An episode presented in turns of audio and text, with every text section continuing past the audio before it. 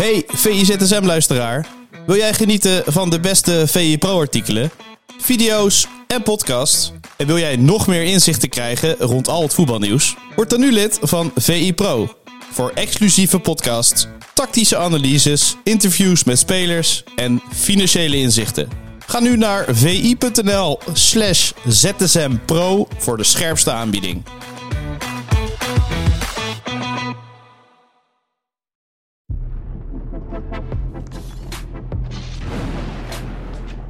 Goedemorgen en welkom bij VIZSM van donderdag 30 november van het jaar 2023. Dit is de dagelijkse podcast van Voetbal International. We gaan natuurlijk altijd bijpraten over het laatste voetbalnieuws. Mijn naam is Matthijs Vechter en naast mij zit Lentin Godijk. Goedemorgen. Goedemorgen. Ben je al bijgekomen van een eh, fantastische Champions League avond? Ja, wauw. Eh, dit maken we niet eh, heel vaak mee. Nee. Dat, dat de Nederlandse club op zo'n manier ehm, zich terugvecht in een wedstrijd. Ehm, ook nog in een blessuretijd met zo'n doelpunt. Dan vervolgens de overwinning van Arsenal eroverheen. Dus ja, voor PSV een, eh, een magische avond. En voor het Nederlandse voetbal natuurlijk ook eh, geweldig. Ja, even voor de duidelijkheid. PSV wint dus met 3-2 bij Sevilla. Arsenal wint met 6-0 van Lens. Ja, waardoor PSV al zeker is van de knock-out fase in de Champions League. Alleen dat feit op zich al is natuurlijk al eh, bijzonder. En inderdaad, je haalt al aan de manier waarop, ja, als we naar die wedstrijd van PSV kijken. eh, in de eerste helft gaf denk ik niemand er een stuiver voor. Hè? Nee, nee, het was eh, eigenlijk heel eh, teleurstellend wat ze lieten zien. Ja. Een beetje net als Feyenoord een dag eerder natuurlijk. Je verwachtte heel veel van, de druk is groot. Ehm, en dan ja, kom je eigenlijk moeilijk aan het voetballen toe. Geef je continu ook kansen, mogelijkheden weg. Ze waren heel kwetsbaar eigenlijk, PSV. Ehm, terwijl eigenlijk dit seizoen juist onder Bos een heel stabiele indruk hebben gemaakt. Ook in verdedigend opzicht wel. Ehm, maar tegen Sevilla lag het bij vlagen. Open was de druk op de bal niet goed. Ehm, was ook het positiespel aan de bal zelf niet, eh, niet voldoende bij PSV. En eh, ja, dan denk je, dit wordt wel een hele moeilijke avond. Dan ga je in de rust waarschijnlijk nog dingen met elkaar bespreken. Probeer je dingen recht te zetten. Ligt de bal er na anderhalf minuut alweer in eh, Ja. voor Sevilla. Ook een beetje een doelpunt dat weer niet helemaal lekker uitkomt bij, eh, bij PSV. Benitez, die net een beetje twijfelt. Ja, dan valt hij 2-0. Het stadion stond er al achter.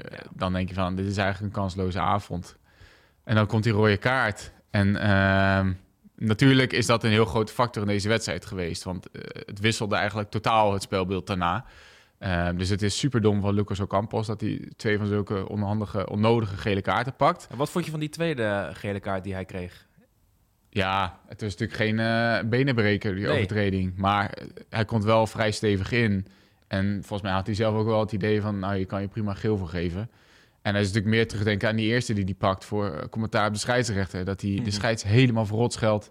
Geel krijgt, vervolgens nog een paar armgebaren maakt. Ja, dat is niet, niet heel handig. Maar goed, kijk, als je met 10 man komt te staan... of tegen 10 man komt te staan... moet je er wel van profiteren.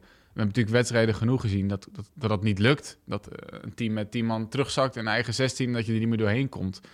En dat is, heeft PSV natuurlijk wel geweldig gedaan. En ik denk met name naar die goal van Saibari dat, dat er pas echt het geloof in die, in die comeback kwam. Maar, oh, hij raakte hem niet verkeerd, hè? Ja, die goal was wel geweldig. Hè? Een, eh, een no-look eh, volley noemde Marco Timmer het in, eh, in de Ja. meest eh, bekeken video in ieder geval op eh, VI Pro. Eh, goed beschreven. Eh, was het- Precies in de Ja, kruising. was hè? echt een schitterende goal inderdaad. ja. Ongelooflijk, wat een techniek.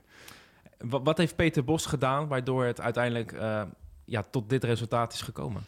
Nou ja, voornamelijk ook echt wel risico durven nemen. Ehm Schouten ging er achterin spelen. Op het middenveld koos hij voor heel veel beweging. Heel veel spelers die eh, het strafschopgebied kunnen invallen, kunnen aanvallen.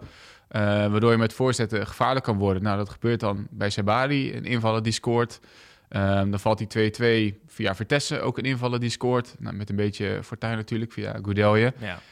En dan ehm geeft Vitesse voor op, Vitesse voor op Peppi, die vervolgens als derde invaller scoort en een wedstrijd beslist. Dus Ook een geweldige goal hoor, trouwens. oh, fantastisch ingekopt. Ja. Eh, maar het is wel niet de eerste keer bij PSV dat invallers zo het verschil maken. En ehm, dat is ook wel eh, te danken aan de keuzes van Bos, die dat risico durfde te nemen. Ook toen ze nog 11 tegen 11 stonden, was hij al aanvallend aan het wisselen. Moest natuurlijk ook wel, maar eh, het heeft wel geweldig uitgepakt. En een wedstrijd waarvan je een uur lang eigenlijk geen stuiver voor PSV meer geeft, op die manier omdraaien. Eh, ja, dat zijn we bijna niet gewend van Nederlandse clubs. Dat je zoveel karakter toont in, in zo'n grote wedstrijd in de Champions League. En het is wel mooi om te zien dat we dat nog eh, in ons hebben. Ja, dan had je die andere wedstrijd in de pool natuurlijk, Arsenal tegen Lans. Ja, dat was al vrij snel duidelijk uh, dat ja. PSV de, de champagnefles ook uh, kon gaan uh, ontkurken natuurlijk. Want dat is geen moment spannend geweest. een half uurtje was toch 4-0 geloof ik? Ja, dat bizar inderdaad. Ja. Ook schitterende doelpunten natuurlijk. ja, Arsenal laten we even zien dat het in ieder geval de gedoodverfde favoriet in deze groep was. Hè? Ja, dat verschil was natuurlijk heel groot. Ze hebben natuurlijk PSV ook behoorlijk weggespeeld in Londen, die eerste wedstrijd. En er zit gewoon heel veel kwaliteit en klasse. Spelen niet voor niets voor de titel uh, in Engeland. Staan daar bovenaan. Vorig jaar uh, nou, lang kans gemaakt op het kampioenschap. Het is gewoon een ploeg met heel veel kwaliteit, heel veel opties. En voor PSV wel lekker. Het was natuurlijk al een feestavond. Ik weet niet of je de beelden van Louis van Gaal hebt gezien in uh, Sevilla. Ik zag hem wel zitten, ja. Maar, uh, ja, hij, hij, zat natuurlijk een beetje tussen... kwam op een gegeven moment tussen de PSV-supporters terecht. Ja, ja, ja. Uh, op een gegeven moment werd de Engelbewaarder opgezet. en er zijn toch beelden uitgelekt waarin Louis van Gaal vrolijk meedoet aan de Polonaise oh, tussen de, de PSV-fans. Oh, klein beetje PSV geworden. Uitstekend. Ja. Nee, ik vind het wel mooi. Ik bedoel, hij is natuurlijk verbonden aan Ajax, maar hij is wel iemand die daar een beetje boven staat en gewoon geniet van de prestaties van het Nederlandse voetbal. Precies, precies. Maar goed, eh, Peter Bos zei ook van ja, eerlijk, ik hoop wel dat Arsenal wint. En dat zal best nog even spannend worden. Maar nou, wat je zegt, na een half uur was dat niet zo heel spannend meer. Uh, ja, en Arsenal gunde eigenlijk PSV op die manier de kwalificatie. Uh, maar dat is misschien ook niet zo vreemd als je kijkt naar de, de bijnaam van Arsenal. De Gunners. Ja, de Gunners. De Gunners. Jezus, ja. ja, ik zit aan tafel met Lent in Godijk. Dus dan weet je op een gegeven moment dat, uh, dat er uh, een grap van dit niveau uh, kan komen natuurlijk. Ik vind hem wel leuk trouwens. Oh, gelukkig. Ja. ja. Hey, het meest gelezen bericht op vi.nl gaat natuurlijk ook over PSV. Ehm, met als kop, PSV ziet de investeringen in topspelers terugverdiend worden in Champions League. Want er is al ja, 40 miljoen binnengehaald. Dat is lekker. Ja, ongelooflijk hey? hè? Hoppa, ja, zeker. En ik bedoel, overwinningen in de Champions League zijn sowieso al heel uh, lucratief. Volgens mij hebben ze puur door de resultaten in deze groepsfase al 7,5 miljoen binnengehaald. En dan heb je natuurlijk alle marketing en alle coëfficiënten, ja. nou, alles wat erbij komt kijken. Ja, het gaat om enorme bedragen. Het wordt alleen maar meer.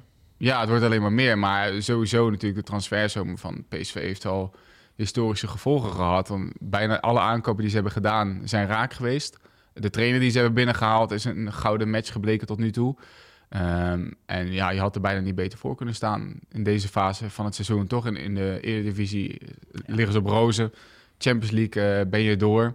Kijk, de enige vervelende voor PSV van uh, gisteravond is dat Lozano geblesseerd uitvalt. Uh, geef maar zijn hamstring. Ja.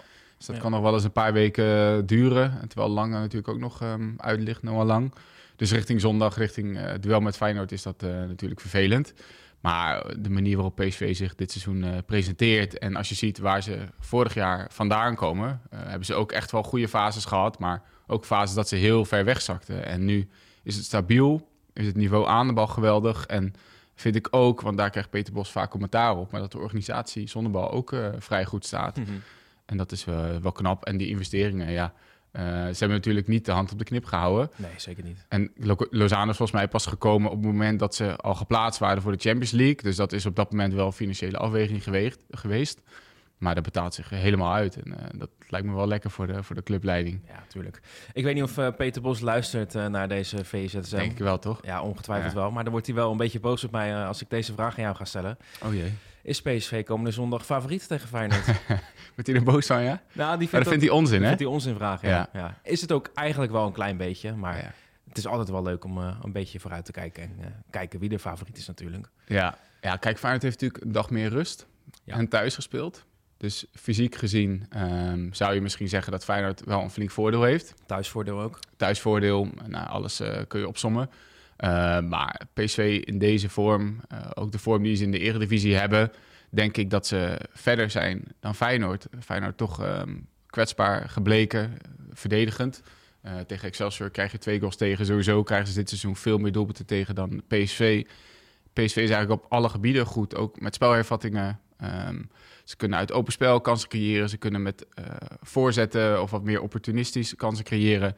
Ze hebben spelers vanaf de bank die het verschil kunnen maken. Meer, denk ik, dan, dan Feyenoord. Dus als het even niet loopt, kunnen ze echt nog een wedstrijd ja. kantelen. Dat hebben we natuurlijk al heel vaak gezien dit jaar. Um, dus ja, kijk, echt, echt een grote favoriet wil ik PSV niet noemen, omdat het ook in de Kuip is. Maar ik denk wel dat PSV er beter voor staat richting uh, die wedstrijd. En ja, ook een soort fijnere uitgangspositie natuurlijk. Want het is heel positief. Als je verliest is het nog geen wereldramp. En als je wint, dan deel je zo'n ongelofelijke klap uit... dat uh, Feyenoord voorlopig wel even knock-out is in die titelrace. Dus dat is wel, denk ik, een, een fijn beginpunt. En voor Feyenoord staat er wat dat betreft natuurlijk veel meer druk op. Uh, dus het wordt wel, uh, wel bijzonder om te zien hoe ze daarmee omgaan in, in Rotterdam. Duidelijk verhaal. Er waren er gisteren natuurlijk nog meer Champions League wedstrijden. We gaan ja. natuurlijk niet allemaal doornemen, maar een aantal wil ik wel even met jou langs gaan. Galatasaray tegen Manchester United.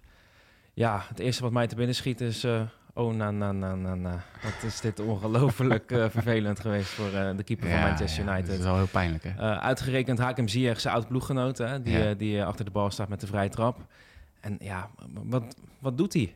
Wat, wat, wat, gaat er, ja, wat gebeurt er? Ja, nou, het was een vrije trap op een meter of twintig. Ja. Ehm, ja, kijk, ze stellen een muur op van volgens mij zes spelers van United. Er staan er nog drie van Galatasaray naast. Dus had totaal geen zicht. Dan kun je wel afvragen of dat dan slim is als keeper. Uh, en vervolgens gokt hij Ziyech kennende op de korte hoek, op de korte bovenhoek. Omdat hij waarschijnlijk vaak op de training met Ziyech uh, heeft getraind. En dan schoot hij ze waarschijnlijk allemaal in de korte bovenhoek. Ja. En misschien zat dat ook wel in het hoofd van Ziyech. Die dacht, ik, ik probeer het toch in de verre hoek. En ja, Onana zet dan twee pasjes. En eigenlijk gaat die bal niet eens zo ver in de hoek. Redelijk door het midden. Ja, dan ziet het er heel lullig uit. Um, en dan krijgt hij vervolgens ook nog die tweede ja. van Ziyech om zijn oren. Die hij ook had moeten hebben ja, dat begint wel een heel pijnlijk verhaal te worden natuurlijk. Dat je een keeper die elf jaar volgens mij onder de lat heeft gestaan bij Man United aan de kant zet. Uh, de Gea die overigens nog steeds geen nieuwe club heeft. Nee. Dan een vermogen neerlegt voor Onana. En die heeft echt wel zijn goede momenten gehad. Uh, dit is niet de eerste flater. Dit, maar dit is inderdaad niet, de tweede eerste flater, flater. Hij heeft al heel wat ballen, heel veel de rare momenten gehad. Um, en ja, dat, dat is allemaal wel een beetje een vervelende optelsom aan het worden voor Erik ten Hag. Ik moet zeggen, ik en jij misschien ook wel altijd ook veel meer van verwacht van Onana. Ik dacht echt dat het een enorm verschil zou kunnen maken, ook in voetballend opzicht. Nou is hij daar wel belangrijk in, alleen... Ja, dit kan je punten kosten. Tenminste, dit kost je punten in de Champions League. En dit kan je uiteindelijk ook gewoon eh, de volgende ronde kosten. Want het zit heel erg close eh, bij elkaar eh, in die groep natuurlijk. Ja, en hij heeft ook echt wel punten gepakt voor United. Ja, zeker in de thuiswedstrijd tegen Galatasaray ook. Bijvoorbeeld. Maar, maar in de uitwedstrijd tegen Bayern München was hij bijvoorbeeld ook weer... Ja, en dit is zo dramatisch, want je komt 0-2 voor. Uh, twee uitstekende goals, oh, niks aan de hand. ook nog even over hebben. Uitstekende goals zeg jij, maar die knal van Bruno Fernandes. Ja. ik, uh, meter of 30. Ja, die was wel heel lekker hoor. Moeten ja. mensen maar even terugkijken als ze die nog niet gezien hebben. Maar, Echt een wereldgoal, ja. ja. En dan, ja, dan, dan geef je het weer zo weg. Dan kom je nog een keer voor en geef je het opnieuw nog een keer weg. Het is eigenlijk ook classic Manchester United dit seizoen. Hè? Je staat, ja, dit uh, seizoen wel. Ja, ja. ja ze geven. Uh, ze, ze, hebben niet um, de kwaliteit en, en de rust en het karakter of de organisatie om, om voorsprongen te verdedigen. Of om gewoon uh, in elk geval een heel groot deel van wedstrijden te controleren. Die controle krijgen ze niet echt. Um, en dat is wel wat natuurlijk iedereen in Engeland zo van Erik ten Hag verwacht. Want hij hoeft echt niet één op één Ajax-voetbal daar te spelen. Maar ze verwachten wel van hem dat hij, net als de andere toptrainers in Engeland, uh, wedstrijden um, analyseren, lezen ja. en eigenlijk controleren van, van het begin tot het einde. En daar is United totaal niet toe in staat. En dan blijf je punten weggeven. Uh, en in deze pool had je natuurlijk altijd uh, kort achter Bayern München tweede moeten eindigen. Ja, dan is dit wel, uh, wel sneu, slecht gewoon.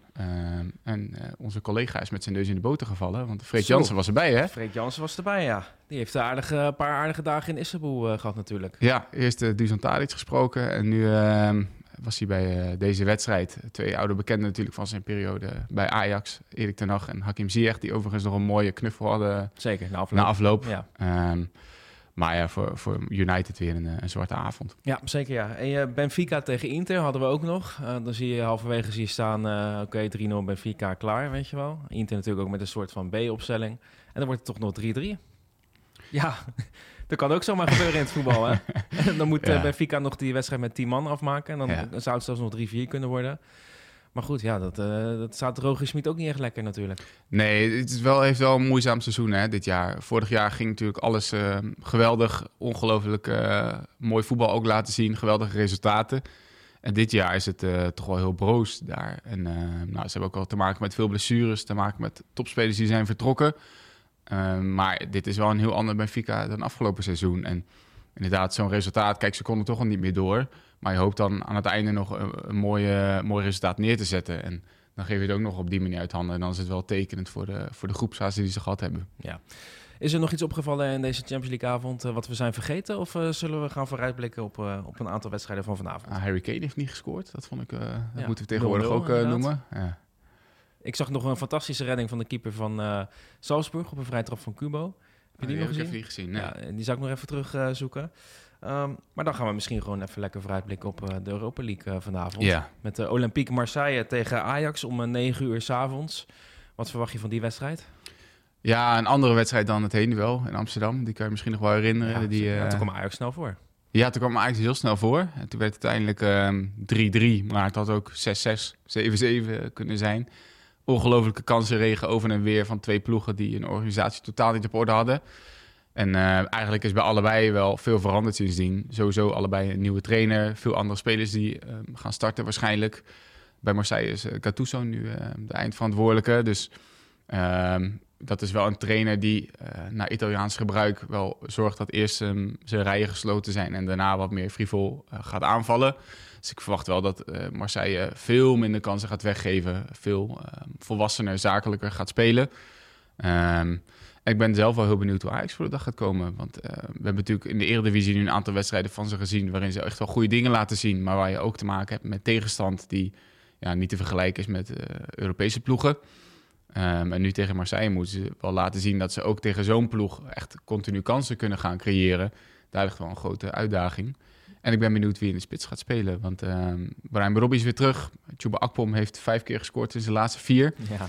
Dus ja, Maar is... jij volgt Ajax de laatste weken intensief. Uh, dat, dat blijf jij dit seizoen natuurlijk Ja. doen. Um, ja, je hebt misschien al een beetje in de gaten hoe Van Schip uh, aan het denken is natuurlijk. Wat verwacht jij dan in die spitspositie?